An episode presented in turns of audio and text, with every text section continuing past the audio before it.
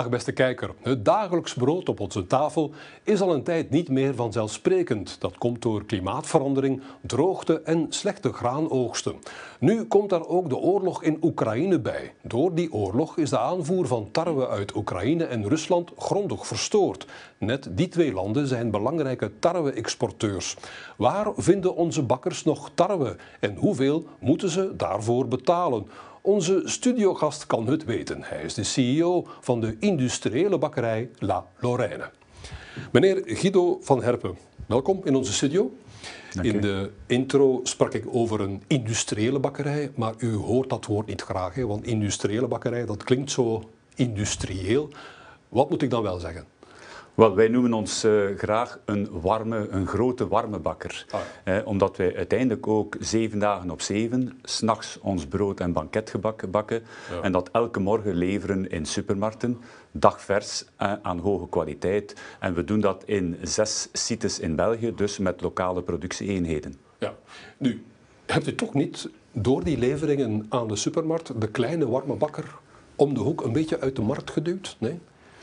Wel, er is een plaats voor beiden. Uiteraard uh, is het zo dat wij supermarkten leveren en die hebben in de laatste 25 jaar een zeer belangrijk marktaandeel ontwikkeld, hè, omdat ze een one-stop shopping experience bieden aan de consument. Mhm. Dus wij zijn daar meegegroeid, maar daarbovenop hebben we ook echt het verschil kunnen maken in innovatie en in keuze in gamma's. Als je een foto trekt van uh, supermarkten 20 jaar geleden en nu, dan heb je een totaal andere leefwereld van bakkerijproducten. De, de bakkerijafdeling ziet er totaal anders uit dan 20 jaar geleden totaal ander beeld. Uh, en en dat dankzij producten, uh, innovaties met zuurdesem, Italiaanse broden, uh, bioproducten, dus artisanale broden. Maar uiteindelijk ben ik ook overtuigd dat er plaats is voor een, een innoverende warmebakkers. En zo heb je er ook warmebakkers die inzetten op zuurdesem of op speciaal gebak. En ja, zij doen het vakmanschap ook eren. Dus, iedereen, ook zij... heeft zijn, iedereen heeft zijn plaats onder de zon. Absoluut. die bak, er zijn er minder vandaag, maar zij die stand houden, komen met innoverende producten. Gaat u zelf wel nog eens naar de bakker om de hoek, meneer Van, meneer van Herpen? Wel, in alle eerlijkheid eet ik het liefst uh, mijn eigen brood en eigen patisserie. Ja. Maar ik ga wel met plezier eens naar een bakker in binnen- of buitenland u, u... om mij te laten inspireren. Want ja, zij, zij doen mooie dingen ook en ja. ja we kunnen er ook van leren. U, uw voornaamste productievestiging uh, is in Ninove. U mag daar nog binnen bij de kleine bakkers van Ninove. Ze kijken u daar niet buiten. Wel, ik ben nog niet zo bekend uh, ah, dat ja. ze mij daar zouden herkennen, denk ik. Ah, ja. Maar uh, nee, nee, zo, zo is het niet. Nee, we, uiteindelijk hebben wij, zitten wij in hetzelfde vak. en ja, respecteren we elkaar. Laten we eens kijken naar La Lorraine Bakery Groep, want zo heet uw bedrijf voluit. Dat is een Vlaams familiebedrijf, maar heeft een Franstalige naam, La Lorraine. Dat heeft te maken met de ontstaansgeschiedenis van La Lorraine. Kunt u eens heel kort schetsen wat die ontstaansgeschiedenis precies is? Wel, mijn grootvader is gestart in 1939 met een bloemmolen. Een maalderij? Een maalderij, geen, ja. geen bakkerij. Ja. Een van onze klanten was uh, een artisanale bakkerij in Brussel, La Lorraine, uh -huh. die in de jaren 60 uh, sterk is gaan groeien met het leveren van supermarkten. Op een bepaald moment heeft dat bedrijf een, een nieuwe plant neergezet in, of bakkerij in Ninove. Was de grootste bakkerij toen van België. Uh, hoge kwaliteit, maar de man had niet veel kaas gegeten van management. Dus het uh, bedrijf in financiële moeilijkheden gekomen en onze familie heeft uh, La Lorraine op dat moment overgenomen. Zo is dat en zo uh, zijn we dan, hebben we verder stappen gezet van een dagvers bakkerij die supermarkten levert, hebben we dan gediversifieerd naar de diepvriestechnologie in de jaren 80, hebben we ook Panos ontwikkeld in de jaren 80. Ja, de Panos-keten. Intussen, dames en heren, is La Lorraine een heuse multinational geworden geworden met 4.300 werknemers en een omzet van bijna 900 miljoen euro. Laten we even kijken naar een korte voorstelling. Het Vlaamse familiebedrijf La Lorraine Bakery Group is de grootste bakker van het land. 4300 werknemers in binnen- en buitenland bakken elke dag brood, koffiekoeken en taarten. Klanten zijn vooral supermarkten en horeca, waaronder de honderden broodjeszaken van de ketens Panos en Daily Way, die allebei tot de groep La Lorraine behoren. De verkoop strekt zich uit over meer dan 30 landen in Europa en het Midden-Oosten. La Lorraine heeft een eigen maalderij en 15 productievestigingen in zeven landen, waaronder België, Turkije en een reeks Oost-Europese landen. De groep levert zowel verse als diepgevroren bakkerijproducten die in de supermarkt of horecazaak afgebakken worden. Door de coronacrisis kende de groep een dip in 2020. De omzet viel terug tot 743 miljoen euro. Vorig jaar was er opnieuw groei, ondanks slechte tarweoogsten en hogere energieprijzen. De omzet kwam uit op 885 miljoen euro. Ook EBITDA en netto-winst gingen fors de hoogte in. Dit jaar verwacht La Lorraine verdere groei, ondanks tegenwind van duurdere grondstoffen en hogere energieprijzen. Meneer Van Herpen, de coronacrisis is intussen verteerd, zoals in de video te horen was. Um, ja, jullie kopen terug aan met groei dit jaar. 885 miljoen euro omzet in 2021. Uh, verdere groei de komende jaren tot 1 miljard. Wel, de 1 miljard is zeker binnen bereik, uh, maar dat is op zich geen doel ja. op zich. Uh, wat ons vooral interesseert is beter, bedrijven, een beter bedrijf worden, betere producten, betere diensten, uh, ja, betere uh, talenten aan boord halen. En de resultante zal zijn dat we inderdaad verder blijven groeien aan een 8 à 10 procent per jaar. Ja. U bent uh, de derde generatie van de familie aan het roer van het familiebedrijf. U bent ook de CEO van de grote groeisprong naar Oost-Europa. Waarom precies Oost-Europa? Wel, toen ik in, in begin van de jaren 90 het bedrijf vervoegd heb, was het, het vraagstuk van hoe gaan we dit bedrijf doen groeien met ja. vier business units. En toen hebben we duidelijk de keuze gemaakt dat we de diepvriesbakkerijdivisie zouden internationaal gaan uitbouwen. En hadden we twee keuzes. Ofwel konden we vanuit een klein landje grote landen zoals Duitsland en Frankrijk beleveren, maar daar uh, waren al hele grote concurrenten. Hm. Wij hebben de sprong gemaakt naar Oost-Europa, onontgonnen terrein waar veel brood werd gegeten, maar nog geen kwaliteitsbrood. Dus wij Aha. zeggen dikwijls, toen werd brood verkocht in Oost-Europa om mensen niet ongelukkig te maken. Een beetje het communistisch brood, zorgen dat men zeker geen honger had. Uh -huh. Wij zijn naar die landen gegaan met bakkerijproducten om mensen gelukkig te maken. Betere kwaliteit, innovatie, croissants, ciabatta. En zo zijn we als eerste West-Europees bedrijf in die markt getreden en we stap, stap voor stap onze groei daar kunnen uitbouwen. Hoeveel procent van uw omzet maakt Oost-Europa nu al uit? Wel, Oost-Europa is vandaag toch al uh, 30% van onze omzet. Ja, dat is toch al een flink stuk. Nu, zoals ik al zei in de intro, meneer Van Herpen, tarwe is blijkbaar een schaars goed geworden deze dagen. Een bakkerij heeft bloem nodig en dus tarwe. Waar vindt u die tarwe nu nog? Hoe zit dat eigenlijk nu met die aanvoer van tarwe?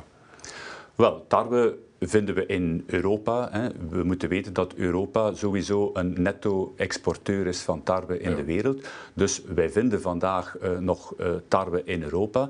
Maar er zijn wel wat problemen opgetreden. En dat eerste probleem is gestart vorig jaar met een slechte oogst. Al voor de oorlog dus in Oekraïne? Al voor de oorlog in Oekraïne. En dat heeft vooral de betere kwaliteitstarwes geraakt. Hè. De eiwitgehaltes waren eigenlijk uh, niet op peil. Mm -hmm. En dat heeft gezorgd al voor een eerste schaarste voor ja, uh, echt de betere uh, bakkwaliteiten. Ja. Dus daardoor zijn de prijzen enorm de lucht in gegaan in combinatie met wat supply chain problemen. En dan is er de oorlog gekomen. En dan natuurlijk is het, uh, is het dak van het huis gegaan, omdat daar ja, sterke ongerustheid gekomen is met Oekraïne. Ja, maar u vindt toch tarwe? Nu.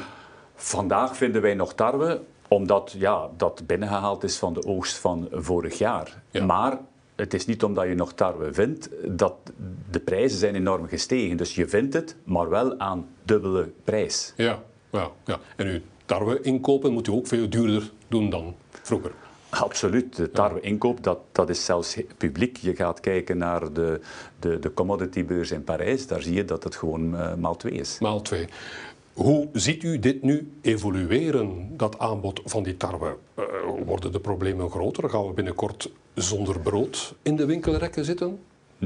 Nee, zo hard gaat het niet lopen. Uh, ik denk dat we vooral in, in scenario's moeten uh, denken ja. en dat we ook onze politici uh, moeten bewust maken en ook Europa dat het belangrijk is om in scenario's te denken. Ik denk dat er veel kans is dat we voldoende tarwe zullen hebben, ook na de komende oogst, want dat is de grote bezorgdheid. Ja. Wat zal, hoe zal de oogst zijn in augustus, vooral in Oekraïne? Ja. Want als Oekraïne erin slaagt om toch 70, 80 procent van zijn tarweoogst te blijven exporteren, dan blijft de prijs gespannen. Mhm. Maar als Oekraïne door omstandigheden, escalerende oorlog, zijn oogst niet kan binnenhalen, ja, dan komt er een gigantisch probleem en een tekort in de wereld. Met hongersnood mogelijk tot gevolg in landen zoals Egypte, die 100% hun tarwe invoeren. En dan zal natuurlijk de wereld ook meer beginnen trekken op de export van Europa. En dan zal er natuurlijk een moeilijke evenwichtsoefening ontstaan. Dus ik denk en ik hoop dat dit natuurlijk kleine kans maar maakt. Maar wie kan de oorlog voorspellen? men kon het niet voorspellen drie maanden geleden, dus we zullen moeten uh, dit zeer goed opvolgen en afwachten. Samen met andere sectorgenoten van u vraagt u een Europees exportverbod op tarwe. Vindt u daarvoor gehoor?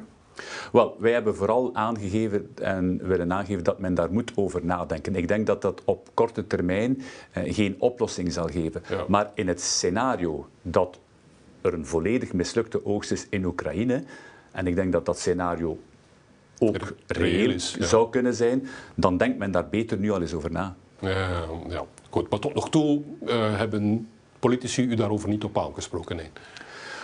Uh, voorlopig nog niet, maar wij hebben wel contact gehad via onze federaties met de, de Europese Commissie en we hebben het debat gelanceerd. U heeft het daar uitgelegd. Nu, koopt u tarwe in België, meneer Van Herpen? Wel, onze twee belangrijkste, de twee grote uh, graanschuren dicht bij België zijn Duitsland en Frankrijk. En dat zijn ook onze basismarkten waar men ook voldoende tarwe kan produceren om ons te bevoorraden. België op zich is niet zo een groot tarweproducerend land. Ja. En als ze het dan doen, dan is het meer voor de veevoeders dan voor uh, de menselijke voeding. Dus, uh, maar wij zetten ook in op, op, op Belgische tarwe, maar dat is maar een heel klein stukje van onze bevoorrading. Want je zou kunnen zeggen, als er bevoorradingsonzekerheid is wat tarwe betreft, zou u misschien met lokale boeren leveringscontracten kunnen afsluiten, een beetje zoals de West-Vlaamse diepvriesgroenteproducenten contracten afsluiten met lokale groentetelers. Hè? Wel, dat zouden we inderdaad kunnen doen. We doen dat ook. Nu, dat zal niet het probleem van de massa oplossen, ah. hè, omdat we ja, Duitsland en Frankrijk absoluut nodig hebben en België heeft niet die capaciteit.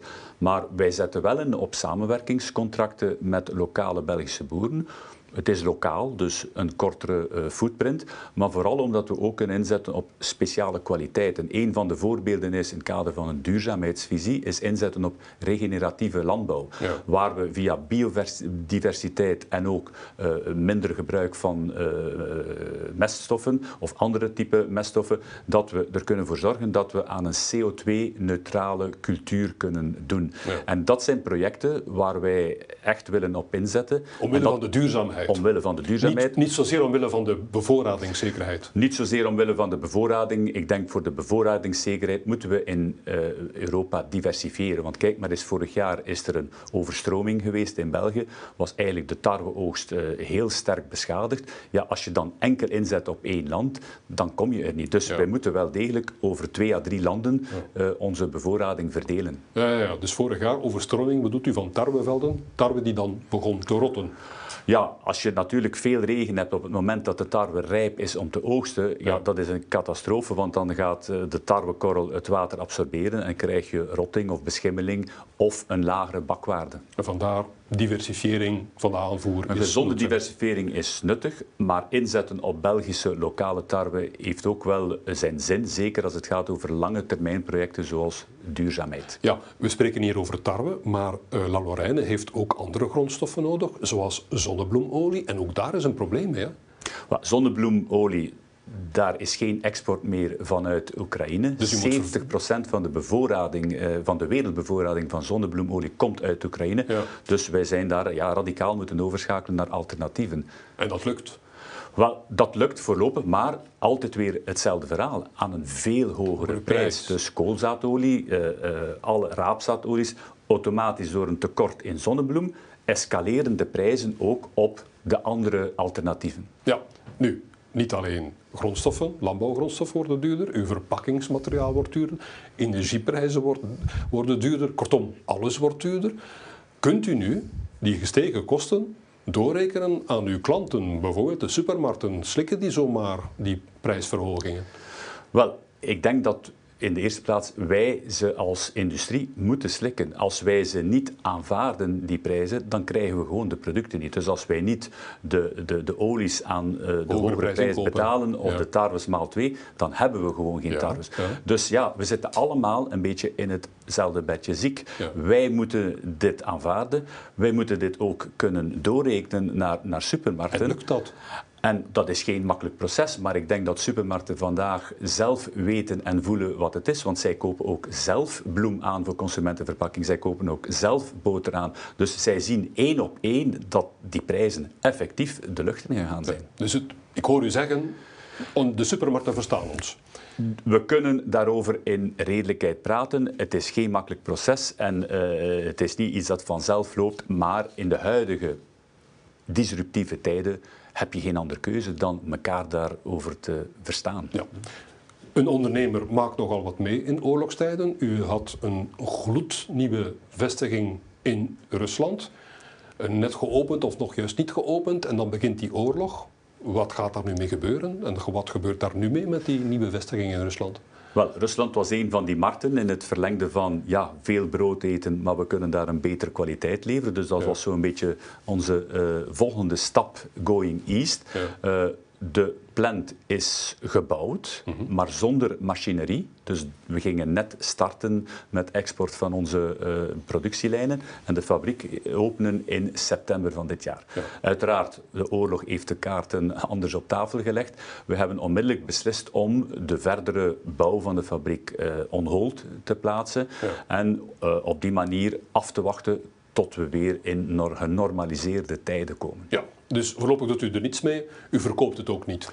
Absoluut niet. Nee, wij, wij houden het on hold. We hebben wel onze organisatie in Rusland van een vijftigtal mensen terug ge, beperkt naar tiental mensen. Dus we houden de organisatie op een waakvlam en we wachten af hoe de oorlog en de crisis zal evolueren. Zoals ik zei, een ondernemer maakt nogal wat mee tijdens een oorlog. In uw Tsjechische productievestiging werken er veel Oekraïense arbeiders. En die weigerden, dacht ik, op een bepaald moment om nog brood te bakken. Toen ze ontdekten dat die broden die zij bakten bestemd waren voor de Russische markt. Hè? Hoe hebt u dat opgelost? Wel, dat was een, een, een, incident, maar ja, een heel begrijpelijk incident. De eerste dag van de oorlog, die fameuze donderdagmorgen, stond er toevallig een, een batch gepland in de productie voor export naar ons Russisch filiaal. Ja, wij hebben 300 Oekraïners werken in uh, Tsjechië. Ja. die emoties waren enorm hoog. Hè. Je kan dan wel zeggen, dit is brood dat niet bestemd is voor, uh, voor Poetin, maar wel voor de Russische bevolking. Maar emotioneel was dat eigenlijk eh, een heel moeilijk, uh, lag dat heel moeilijk. We hebben daar alle begrip voor opgebracht. We hebben dan ook zonder twijfel gezegd, ja inderdaad, dit moeten we hier om hold zetten. En we hebben onze prioriteit gelegd naar ja, het bijstaan van die Oekraïners die echt ook in shock waren. Ook onze Tsjechische en, en Poolse werknemers waren ook in shock. We hebben onmiddellijk ook ingezet op een solidariteitsfonds, alle mogelijke hulp geleverd aan die mensen. Dat was onze topprioriteit. Maar Tsjechië is opnieuw volledig werkzaam nu? Nee, Tsjechië, er is nooit een probleem geweest. hè. Ah, het is gewoon een dialoog geweest dat die mensen gezegd hebben, ja, moeten wij dit nu doen? En daar hebben wij een half uurtje over gepraat, maar hebben wij duidelijk gezegd, dit kan niet. Maar onze Tsjechische fabriek heeft daar totaal niet onder geleden. En dit was ook maar een kleiner stukje van hun totaal productievolume dat ze moeten produceren. Ja, iets helemaal anders, um, meneer eh, Van Herpen. In Knak zei de gouverneur van de Nationale Bank uh, Pierre Wunsch onlangs dat de winstmarges van de Belgische bedrijven historisch hoog zijn en dus dat de stijgende loonkosten door inflatie en door de automatische loonindexering geen probleem zijn voor onze Belgische bedrijven. Wat zegt u daarop? Wel, dat is natuurlijk een beetje kort, zeer kort door de bocht, maar we moeten de context zien waarin dat meneer Wunsch dat gezegd heeft. Die ken ik uiteraard niet. Ik denk wel, en ik heb dat ook gelezen, dat hij wel het woordje gemiddeld gesproken uh, gebruikt heeft. Nu, ik kan enkel praten over de voedingssector en vooral over ons bedrijf. Uh, dit klopt niet. Hè. Als je kijkt naar ons bedrijf, dan hebben wij in 2020 alles uit de kast moeten halen om net geen verlies te maken. Dus wij hebben eigenlijk geen winst, net geen verlies kunnen maken door sterke kostenbesparing. Ja, we zagen het op de tabel. Het was 2 miljoen euro winst, maar op een omzet van ik ben 743 nieuw of zoiets. Ja. Dus, dus, dus en dat is niet vanzelf gegaan. Daar hebben we echt moeten ons best voor doen. ja, onze, de riem sterk aanspannen. 21 uiteindelijk zijn we natuurlijk heel tevreden dat we een comeback hebben gedaan, maar we zijn ook niet verder geraakt dan ons resultaat van 2019. Dat is mooi dat we teruggekomen zijn, maar als je kijkt met alle investeringen die we doen, dan zou je wel in termen van een normale return on investment hoger moeten gestaan hebben. Dus er is natuurlijk zo dat er bij veel bedrijven een window geweest zijn, is dat ze uh, betere resultaten hebben neergezet. Net na COVID, de kosten waren sterk gedrukt en dan plots kwam die explosie daar. Maar dat kleine, korte feestje is sterk verstoord geweest. Onmiddellijk heb je dan de inflatie gehad vorig jaar. Niet alleen tarwe, maar energie enzovoort. En dan heb je daar nu de oorlog over gehad. Dus ik weet niet of dat meneer Wunsch, als hij nu zou een inschatting maken van wat er de komende maanden voor ons ligt, dan denk ik dat hij die uitspraak wel zal bijsturen. Want zoals ik het aanvoel, gaan we geen goede resultaten zien de komende jaren. Natuurlijk, met die nuance, we rekenen wel en we moeten wel onze, onze kostprijzen doorrekenen. Het is ook essentieel om de Belgische industrie gezond te houden. Want als de Belgische industrie gezond is, kan ze werkloosheid uh, vermijden, of kan ze alleszins de tewerkstelling vrijwaren, kan ze blijven groeien. En uiteindelijk kan ze blijven belasting betalen aan onze regering, die tenslotte dat hard nodig heeft om zijn staatsschuld, hoog opgelopen in covid-tijd, ook te kunnen terugbetalen. Ja, en niet te vergeten, de centen die La Lorraine verdient, gebruikt u ook om te investeren. Dat doen wij al, al de laatste twintig jaar, dat wij uh, het grootste deel van onze winst en onze volledige cashflow herinvesteren in het bedrijf en op die manier ook groeien, tewerkstelling creëren en welvaart ja. creëren. Ja, en daarom winsten zijn nodig. Ja, winsten zijn niet per definitie. Men denkt dikwijls winst dat is voor de zak van. Nee, ik denk dat de meeste bedrijven die groeien, dat weet iedereen, ja, worden gebruikt om te herinvesteren. Om de toekomst voor te bereiden. Nu, we over die winsten bezig zijn en jaarresultaten bezig zijn. Uh, La is een niet beursgenoteerd familiebedrijf, maar toch bent u heel transparant over uw resultaten. Hè? Uh, waarom? Is dat omdat La nog niet zo lang geleden bedrijfsobligaties uitgegeven heeft, waar ook uh, particulieren konden op inschrijven? U hebt dus een beroep gedaan op het publieke spaarwezen, zoals dat heet. Bent u daarom zo transparant? Wel, dat is natuurlijk een reden om transparant te zijn. Dat is niet uh, van 2020. Wij hadden al een uh, obligatie, een retail-obligatie sinds acht, jaar, acht, negen jaar geleden. Dit is een tweede ronde geweest. Nu, de reden waarom dat we transparant zijn, en dat zijn we al veel langer dan, dan, dan tien jaar geleden, ja. is omdat we overtuigd zijn als familiebedrijf, en dat is denk ik bij ons, daar hebben wij het verschil ook willen maken als familiebedrijf, dat transparantie naar uw aandeelhouders, naar een familie, de basis is voor vertrouwen en ook de basis is voor engagement. En wij zijn overtuigd dat dat niet alleen belangrijk is, transparantie richting familiale aandeelhouders, eigen personeel, ook de stakeholders in de markt en ook uh, het nieuwe talent dat we willen aantrekken. Belangrijk dat ze weten waarvoor kiezen wij, waarvoor staat dit bedrijf, niet alleen in termen van ja, waarden, lange termijnvisie, maar ook in termen van, van cijfers en groeiambitie. Ja, over deugdelijk bestuur uh, gesproken, meneer Van Herpen. Um, hoeveel leden telt uw raad van bestuur en hoeveel leden daarvan zijn er onafhankelijke bestuurders? Wij hebben zes bestuurders en twee onafhankelijke bestuurders. En de voorzitter van de raad van bestuur is een onafhankelijke. Ja, en die onafhankelijke bestuursleden, dat zijn geen bloempotten, om het oneerbiedig te zeggen. Die hebben echt iets te zeggen. Die hebben een vinger in de pappen. Wel, absoluut, want zelfs als er zou een 50-50, uh, we zijn met zes, drie plus drie, dan heeft de voorzitter, die een onafhankelijke is, uh, een doorslaggevende stem. En een tweede punt, en dat staat ook in ons charter, dat externe onafhankelijke bestuurders, die mogen geen persoonlijke contacten zijn van familie. Dat ja. moeten echte onafhankelijke bestuurders zijn, waarmee a priori geen ja, andere relatie mee hebben dan een zakelijke, professionele relatie. Ja. Um, Stilaan maakt de vierde generatie uh, zijn opwachting in het uh, bedrijf La Lorraine. Uh, meneer Van Herpen, welk beleid voert La Lorraine op dat terrein? Wat ik eigenlijk wil vragen, dat is... Als een familielid um, niet over de juiste capaciteiten beschikt om toe te treden tot een management, krijgt hij of zij dat dan met zoveel woorden ook te horen?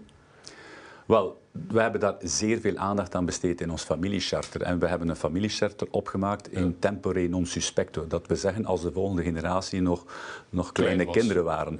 Dus daar kon niet gespeculeerd worden enzovoort. Dus dan hebben we hele zeer duidelijke regels kunnen vastleggen. Ja. Volgende generatie die in het bedrijf wil komen werken, moet, uh, vijf, moet een universitair diploma hebben, vijf jaar ervaring in een leidinggevende positie hebben elders en moet dan zijn kandidatuur aan de raad van bestuur doorgeven, waar het beoordeeld wordt door familie en onafhankelijke bestuurders. En pas als er een vacature is die overeenstemt met de competenties en de ambitie van uh, het familiaal lid, dan kan er gepraat worden over een job. Dus door het feit dat we die ganse procedure of die, die criteria vooropgesteld hebben, heb je twee goede effecten. Het eerste is de volgende generatie voelt geen onnodige druk. Ze kunnen zichzelf volledig ontplooien en ook uh, andere pistes uh, bewandelen als ze dat willen. En de dag dat ze zich aanbieden, weten we volgens die criteria dat ze al sowieso zullen beantwoorden aan een, aan een minimumcompetentie. Dus uh, de vraag kan zomaar niet komen van eender wie. Er is een, een pad dat men moet bewandelen alvorens zich kandidaat te stellen. Ja. Stel nu dat uw zoon of dochter of uw neef of uw nichtje geïnteresseerd is in een job in het management bij La Lorraine. Hoe verloopt die selectieprocedure dan concreet? Is er een, echt een onafhankelijke beoordeling? Dat zal niet anders gebeuren dan voor uh, een, een andere externe sollicitant. Ja. Sollicita sollicitatie, uh, een extern evaluatiekantoor die een assessment zal maken. En tenslotte dan de finale beslissing die zal genomen worden in de Raad van Bestuur, samen met de onafhankelijke bestuurders, aan wie we ook een, een belangrijke opdracht gegeven hebben om daar uh, hun opinie over te geven. Krijgt La Lorraine, meneer Van Erpen, nog de groei gefinancierd met het huidige uh, familiekapitaal en met de obligaties? Of is het denkbaar dat u ooit het kapitaal openstelt voor externe aandeelhouders of misschien wel een beursgang? Wel, zeg nooit nooit, uh -huh. maar op dit moment is het absoluut de, de, de intentie van de familie en de ambitie van de familie om dit niet open te stellen en dit bedrijf als een 100% familiaal bedrijf uit te bouwen. Ja. Uh, anderzijds is het zo dat, ja, mocht er ooit een ongelooflijke opportuniteit langskomen. Want bijvoorbeeld als je dan een beursintroductie zou willen doen, ja. ja. dan moet dat afhangen van een project dat echt meerwaarde kan creëren voor het bedrijf, maar ook voor de aandeelhouders.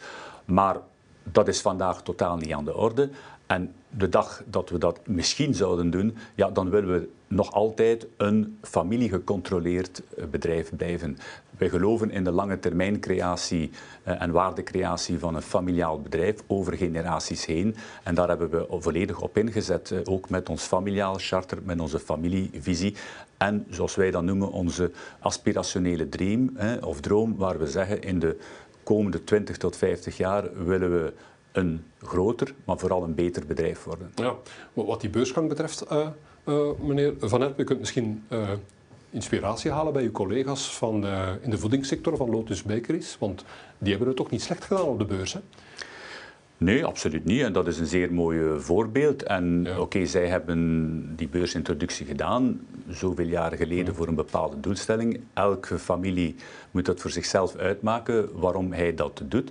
Mooi verhaal ik denk dat het belangrijkste, wij hebben geen enkel probleem met een beursintroductie op zich, maar er moet een doel achter zitten dat waarde kan creëren ja, voor alle partijen. Het moet zin en hebben. voorlopig hebben wij uh, nog alle mogelijkheden en kunnen wij onze ambities waarmaken met bankfinanciering en een obligatielening en dergelijke gelijkaardige financieringsmiddelen. Het zit nog goed.